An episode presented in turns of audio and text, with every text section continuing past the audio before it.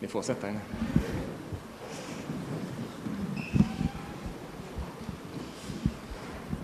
Så eh, underbart att eh, se er alla här idag eh, och fira med oss. Eh, vår familj Centro, men också våra släktingar från andra kyrkor. Så roligt med Direje och med, med Josh och eh, Elias och flera som är här också och firar med oss. Underbart, så kul! Vi tror ju på en god tid, inte bara för oss i centrum utan för Guds kyrka i Göteborg och Guds kyrka ute över världen. Så eh, när vi firar att vi firar fem år så firar vi hela, hela kyrkan och, och allt det som Gud gör. Gott. Jag ska bara be en liten kort bön. Tack Herre för att vi får samlas i dagens stund, Herre. För att fira det som ligger bakom, för att fira det som är och för att fira det som ligger framför.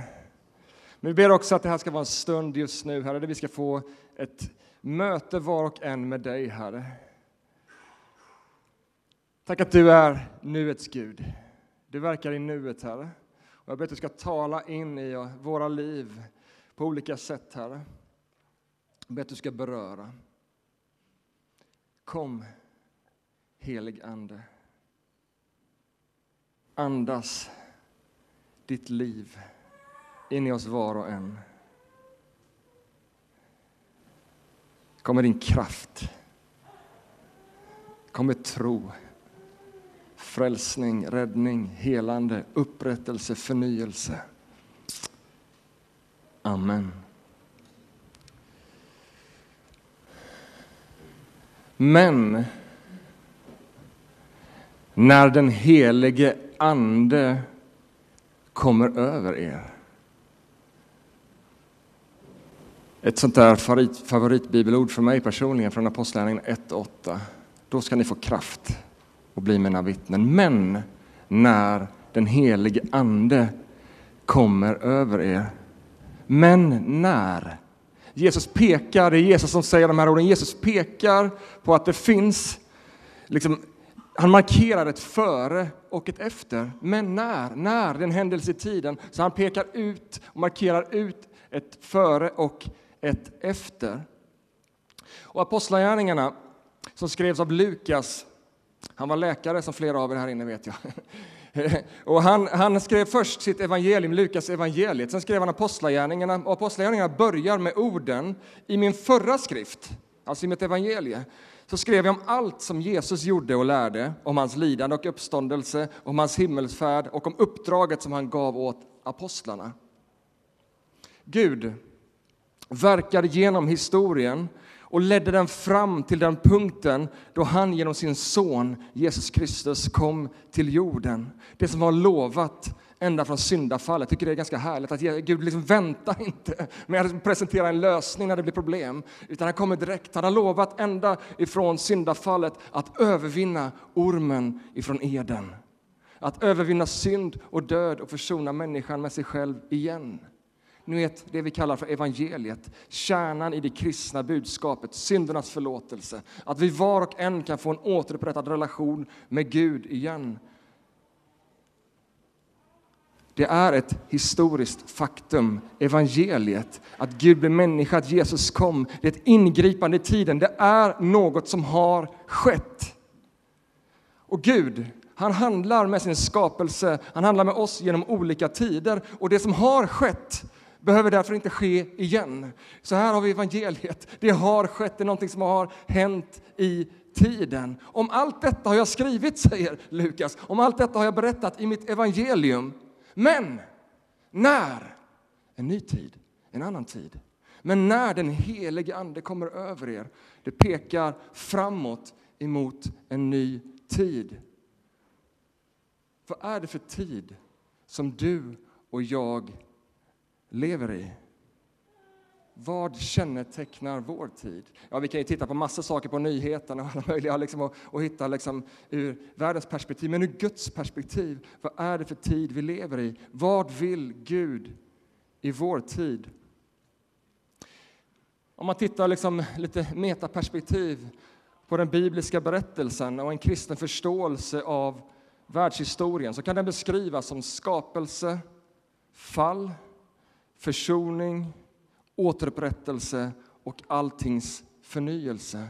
Olika tider, skapelse, fall, försoning, återupprättelse och alltings förnyelse. Skapelsen har skett, eller hur? Det är vi överens om.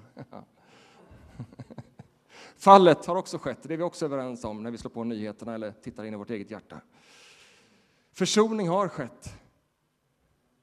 Jesus har kommit. Och vi kan också vara överens om att alltings förnyelse, det ligger framför. Allting är inte återställt.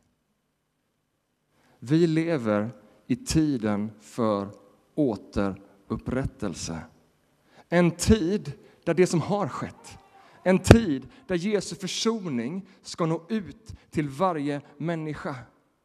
En tid av återupprättande av det som synden har rivit ner i människors liv. Återupprättad relation med Gud. Återupprättat syfte där vi bjuds in att bli en del av Guds plan av återupprättelse. Återupprättelse är liksom temat i vår tid. Vi lever i en tid där det som har skett, där budskapet om Jesus ska nå ut över hela jorden.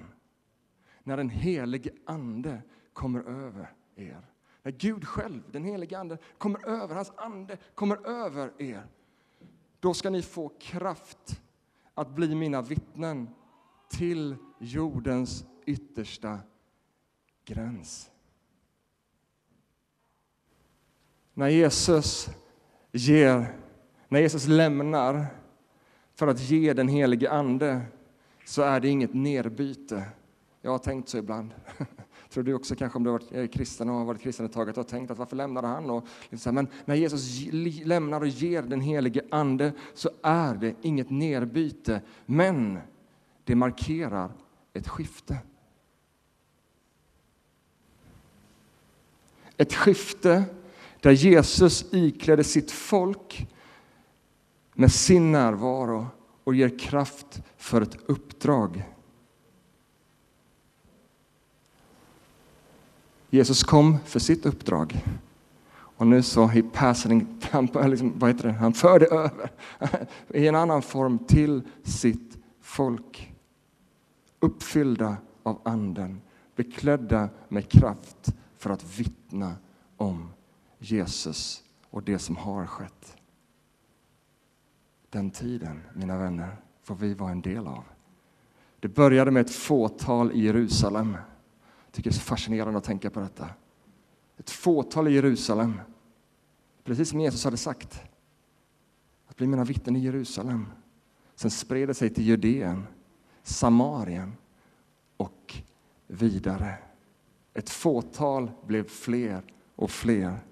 Fler som genom hjärtats inre övertygelse fick uppleva att Jesus är den han sa sig vara. Jesus är den Messias som Gamla testamentet hade utlovat. Han är inte död, han lever, han har uppstått. Fler och fler som får göra den inre upplevelsen. Det är ju sant. Och Det är så fascinerande att få liksom vandra med människor som, som, som liksom kommer ifrån, inte en tro, till att göra den där upptäckten. Ja, men det här är intressant. Och sen, ja, och så växer det fram en inre övertygelse. Det är sant.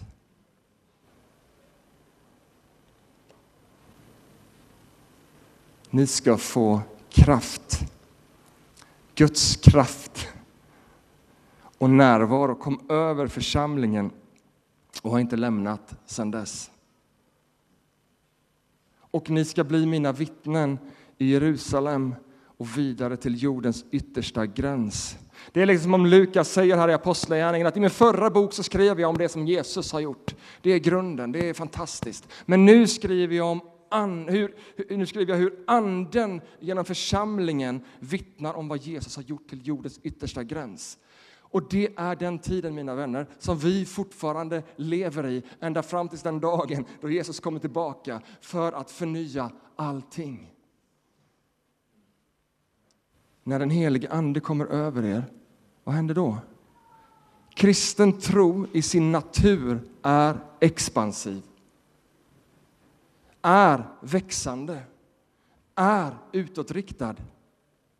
Mission och tillväxt handlar inte så mycket om vår personlighet. Det handlar mycket mer om Guds personlighet. Har du tänkt på det? Det var ju när Gud kom över dem med sin ande. Vad hände då? De satt ju skrämda i ett rum i Jerusalem. Men när Gud kom över dem, då hände någonting. En rörelse inifrån och ut. Varför? Jo, därför att han förde oss in i en ny tid. Och ibland när vi pratar om mission så gör vi det som en fristående aktivitet. Det är liksom någonting som är frikopplat, kristen tro och kyrka i, liksom, i allmänhet och liksom mission är någonting här. Men den kyrka vi möter när vi fortsätter läsa Apostlagärningarna, som vi har hört en vers ifrån idag, när vi fortsätter läsa Apostlagärningarna så möter vi en kyrka som står på det uppdrag och på det löfte som Jesus gav till sin församling innan himmelsfärden. Och Matteus 28, vers 18 säger att då trädde Jesus fram och talade till dem och sa Åt mig har getts all makt i himlen och på jorden. Gå därför ut och gör alla folk till lärjungar. Döp dem i Faderns och Sonens och den helige Andes namn och lär dem att hålla allt som jag har befallt er. Och se, jag är med er alla dagar till tidens slut. Jesus beskriver vad som, vad som kännetecknar tiden efter sin himmelsfärd fram till hans återkomst. Och när han gör det så talar han om en rörelse och ett löfte. En rörelse utåt, att predika evangeliet. Gå ut och gör alla folk till lärjungar och lär dem att hålla allt vad jag har befallt er. En rörelse. Men också ett löfte om att vi aldrig är ensamma. För vet du vad, om han hade gett oss det här uppdraget och lämnat oss till det här liksom i vår egen kraft, då hade det stannat av, då hade det klingat av. Men han säger, jag är med er. Och så ger han av sin helige Ande. Därför har det inte stannat av, därför att rörelseenergin är Gud själv i oss som tror i sin församling. Jag menar, det är obekvämt att gå ut och berätta eh, liksom för alla folk. Och det, är liksom, det är jobbigt och det kan, det liksom kan kosta på. Det hade inte hänt, det hade stoppat av, ingen hade varit intresserad heller. Men Gud själv kommer över sin församling. Så det blir en rörelse och det blir också en effekt. Det finns ett löfte att han är med oss. Det finns ett löfte för dig idag att när du vittnar på din arbetsplats, bland dina vänner och din familj, så är du inte ensam. Han är med dig. Det finns löften. Och en fascinerande tanke, det är att Centro är en del, och alla kyrkor som representeras här, är en del av den rörelse som startade där och då i Jerusalem. Är inte det fascinerande? Det finns en kontinuitet, man pratar om succession inom vissa kyrkor. Det finns, liksom, det finns en kontinuitet, en kontinuitet som inte är av någon människa utan som är av den helige Ande i sin kyrka. En rörelse som går ut och så sträcker sig. Därför sitter vi här idag för att vi är en del av denna rörelse. Centro, fem år. Otroligt att det, har tagit, att det redan har gått fem år sedan vi gav oss ut på den här resa som församling här i Göteborg på detta sättet. Och som vi redan har hört så fanns ju, fanns ju vi redan i, i någon annan form eh, som en del av församlingsrörelsen United. Men på något sätt så är det dessa fem åren när vi står på egna ben och är liksom en, en kyrka på egna ben här i, i, i stan. Fem år. Och jag skulle kunna prata hur länge som helst om dessa fem åren. Det finns så mycket att vara tacksam över.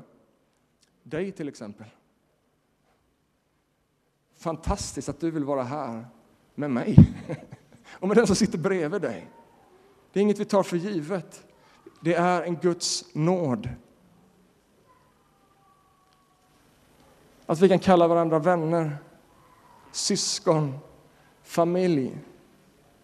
Människor som har passerat, som har varit här för en tid. Människor som funnit tro i vår gemenskap. Andra som kommer tillbaka till tron. Människor som har hittat ett hem, en plats och en gemenskap.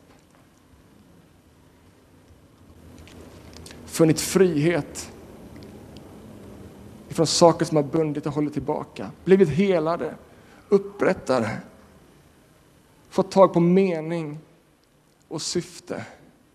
Finns det någonting vackrare än att få vara församling? Finns det någonting? Jag läste idag, om ni har bibelappen, den här vad den nu heter, så var det sån här, dagens bibelord. Överge inte era sammankomster, stod det. Varför? Därför att det här, det vackraste som finns på jorden. Det här är något som du och jag behöver. Men vet du vad? Det är en hel värld som behöver det vi har. Så därför kan vi inte överge, vi kan inte överge det viktigaste, det vackraste, det finaste, det mest centrala, det mest fundamentala som finns på jorden. Det som Gud själv genom sin heliga Ande, det här är inte bara men det är väl kul att träffas lite grann och nu startar en ny kyrka här. Nej, det är Gud själv som verkar fram sin familj på jorden. Varför? Därför att fler och fler ska få möta Jesus Kristus och den värme, den kärlek och det hopp och den förvandling som finns hos honom. Också det vi hörde i videoklippen. Det som finns här, i den kultur som vi har, som Gud har lagt ner i oss som församling. Den äkthet som finns här. Den längtan som vi delar allihopa, att tron ska få vara äkta, vara på riktigt, ska vara ärlig, ska vara levande, ska vara rotad. Så mycket som vi har genom Guds nåd, som är så lätt att ta för givet. Fem år att tacka Gud för. Men också fem år och många fler att se fram emot. Och när jag har tänkt på de här fem åren som ligger bakom Men också när jag har sett fram emot den tiden som ligger framför så har bilden av ett frö återkommit. Jag tror vi har en bild på ett frö. Så har bilden av ett frö återkommit Titta på det där lilla fröet, en liten brun fläck. Ett frö som läggs i jorden, det ser inte mycket ut. Men när det kommer i jorden så börjar liv att hända inne i det där lilla fröet. Det spricker ut en liten vit grej, det syns inte nästan på andra bilden där. Men det börjar hända saker. Tillväxt sker under ytan. Det här lilla fröet börjar slå rot för det som ligger framför. För rötter kommer att behövas. Det behövs inte för det lilla fröet, men rötter kommer att behövas. Liv och rörelse i det lilla fröet. Också lite smärta. Det har vi känt av också här ibland oss. Liv som vill fram. Rötter som växer, rötter som etablerar fröet i jorden och möjliggör för fortsatt tillväxt. Och med tiden så börjar det som bara har hänt under ytan börja synas över ytan. Fröet blir en växt. Och för ett frö är det här en helt naturlig process. Som för allt annat som har liv så växer det. Allt som har liv växer. Och att prata om församlingstillväxt kan ibland kännas lite övermodigt och lite egoistiskt fokuserat. Det kan upplevas mer generöst att prata om att vi ska bara växa djupa rötter och vi pratar om inre tillväxt och sådana här saker. Men, har du tänkt på det? En planta som aldrig växer upp ovanför ytan kommer aldrig någon annan till del. Tänk dig att kolla på en blomsteräng där liksom bara allt sker under ytan. Det är bara jord. Det är generöst att tänka på tillväxt, mina vänner. Det är generöst att tänka på att göra plats för flera. Att växa som kyrka är inte för vår skull, det är för andras skull. Det liv och den näring som våra rötter får ifrån Gud, det är för stadens skull, för världens skull. Som församling, fem år, fröet har stoppats i jorden. Genom vanliga tider och genom pandemitider så har vi fått rötter, så har vi etablerats. Vi har fått rötter, man rycker inte upp oss så lätt. Vi är här för att stanna. Vi har börjat sticka upp ur jorden, folk börjar höra om oss. Det börjar sprida sig. Grönska har börjat synas. Mina vänner, framför oss finns tillväxt. Inte så att vi ska ändra fokus eller bli något annat än det vi är. Men tillväxt ligger framför oss, för vi är ett frö. Vi är en del av den rörelsen. Vi är ett frö från en blomma som har blåst ifrån Jerusalem till Judeen, till Samarien och som har blåst och landat och fått rötter här i Göteborg. Och då finns en naturlig process. Det sprider sig, det växer upp, det händer något. En blomma att förmeras, att multipliceras vidare. Gud har lagt ner den processen naturligt i naturen och samma DNA finns i hans församling. Ett litet gäng som samlades runt Jesus. De fick etableras i honom, de fick rötter i honom. Men det stannade inte där, utan den helige Ande kom över, honom, eh, kom över dem och det blev en rörelse ut. Och där finns också vi, i vårt visionsdokument, jag tror vi har en slide på det också, så står det så här. Att vår kallelse är att följa Jesus ut i vår stad och till jordens yttersta gräns som vittnen för den uppståndne Jesus. Plantera församlingar lokalt och globalt och verka för att Guds vilja får ske på jorden så som i himlen. Vi har startat med en längtan att få se fler församlingar växa fram i vår stad och ut över vår värld. Och nu är inte det här en peppig predikan om att vi ska nu de kommande fem åren starta 73 nya kyrkor. Men tänk om. Tänk om, kom igen. Tänk om. En, två, tre. Tänk om vi skulle få vara med och se nya församlingar växa fram.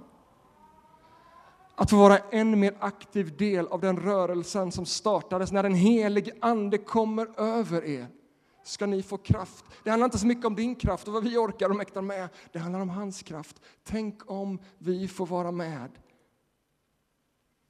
Få se nya församlingar växa fram, hjälpa andra att sätta ett frö i jorden, i sin stad, i sitt land. Men när vi är i en storstad. Det är en pågående rörelse av människor, sådan är staden. Och vi märker det i vår kyrka. Man får liksom lära sig att bli vän med människor och sen säga hej då. Det är en av de största smärta som pastor är liksom att, ja, att veta att en del är här for a lifetime, en del är här för en säsong.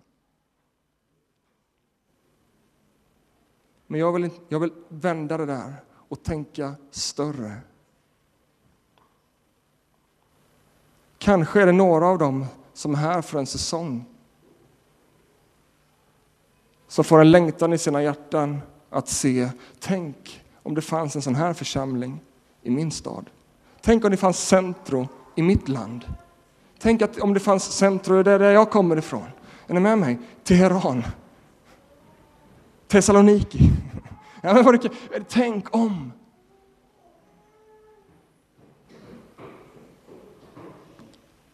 Tänk om vi då som församling har en vision och en strategi för att stödja och hjälpa, att ge resurser, kraft och visa välvilja och vara med och stå bakom. Och när man fortsätter läsa Apostlagärningarna kapitel 8 och 9 så kom det en förföljelse mot församlingen och församlingen i Jerusalem spreds ut över liksom bygden. Och man kan tänka bara nej, nu, nu raseras allt som har byggts upp. Nej, de tog med sig det de hade fått tag i i Jerusalem. De tog med sig det. Så när de kom ut och spreds ut där, överallt i orter och städer och byar, så startades nya församlingsgemenskaper. Och det där känner jag, wow, det är en del av vad det är att vara kyrka. Det är inte bara stopp med en kyrka, det är en pågående rörelse. Att vi vill vara en rörelse ut över vårt land, ut över vår stad och ut över vår värld. Tänk om det ringar på vattnet som Gud tänkt för oss går långt mycket längre än vad vi tidigare vågat drömma om. Också på ett lokalt plan. Här, att tänka utåt, bredare och längre. Inte utifrån press och börda, men utifrån glädje och längtan. Utifrån kreativitet och lust. Att det bara får växa fram i oss en inbjudande och en medbjudande kultur. Nya alfagrupper nya hemgrupper, nya allt möjligt. Utifrån en längtan. Vi har en spännande tid för oss. Och som kyrka så kommer vi behöva hitta en ny lokal under det här året. Eh, och eh, man kan tänka nej, eller kan man tänka ja. Gud, vad har du nu tänkt för oss? Vad är det för nya möjligheter att växa och få gå vidare och beröra den här staden djupare, längre, bredare? Få se en plats för olika generationer växa fram, för fler att växa fram, att nå nya människor. Jag vill bara så, apropå fröbilden, så små frö i ditt hjärta. Inte lägga någonting på det som, åh, nej. Utan bara, bara att vi får se vad som finns redan i dig och mig, som hans församling. Det finns liv som vill vidare. Så vi ska få blomma för, ah, för fler människors skull. Satt i ett möte med Hannes häromdagen ihop med någon annan som jag inte träffar så ofta. Och den personen frågade vad, vad är ni centrum för kyrka egentligen? Och, eh, det är en fråga som man kan svara. Liksom. Jag kan ha ett här inrepeterat svar. Man kan svara. Men jag satt tyst i några sekunder och så svarade jag ja, centro. Ja, man skulle nog kunna säga att vi är en kyrka med ett lunk. Hur låter det? Han tittade lite roligt på mig, men sa ja. Jag tror att centrum, ett sätt att beskriva oss, det är en kyrka med ett lunk. Mitt svar förvånade både mig och honom, tror jag, och kanske lite Hannes, jag vet inte. Men en kyrka med ett lunk. Men det ligger mycket i det. Därför att vi tror på vad vi gör. Om man inte tror på det man gör, då måste man hitta på nya saker hela tiden. Då måste man ha event efter event efter event för att hitta på någonting nytt. För att se vad som funkar. Men i mångt och mycket, vi tror på det enkla vi gör. Vi tror på kraften i evangeliet, att lägga ut det som det är. Vi tror på kraften i gemenskapen, på det brutna brödet och vinet, på bönen. Vi tror på det enkla vid en kyrka med ett lunk. Inte så liksom att vi inte vill förbättras och utvecklas. Det är klart vi vill. Det är klart vi vill. Men vi vill aldrig överge det som är våran lunk. En Guds rikes gemenskap som håller fast vid ordet, gemenskapen, nattvarden och bönerna. Och ju större det börjar växa i det yttre, ju större det börjar liksom växa i det synliga, desto större behov är vi av våran lunk. Att inte överge den, därför att då behöver vi växa djupa rötter. Därför att ju större ett träd ska bli i det synliga, desto djupare rötter behöver vi. Rötter som letar sig djupare. Rötter som trasslar in sig lite i varandra. Det kan vara lite obekvämt ibland. Vi behöver trassla in oss i varandra. Vi behöver liksom nå djupare. Och ge stadga åt varandra. Komma nära varandra upptäcka djupen tillsammans. Och sådana frön är det också vi vill sprida. Frön som blir till kyrkor med en lunk. Halleluja! Känner du inte amen? Ett starkt budskap. En tro på den inneboende kraften, att vara centrerade kring det centrala. Centro, det är där hela vårt namn ligger. Att vara centrerade kring det centrala. Och idag vill vi bara fira det som ligger bakom.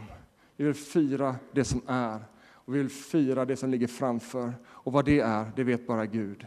Men tänk att vi får vara på den här resan tillsammans. Tänk att vi får, får stå tillsammans och att vi får upptäcka allt det som Gud har för oss tillsammans. Det är för mig den största ära och jag är så glad att du är här idag. Vare sig du är en del av Centro eller en del av någon annan sammanhang så är vi så glada att få vara kyrka i den här staden och få vara tillsammans idag sträcka oss efter allt det som ligger framför. Amen.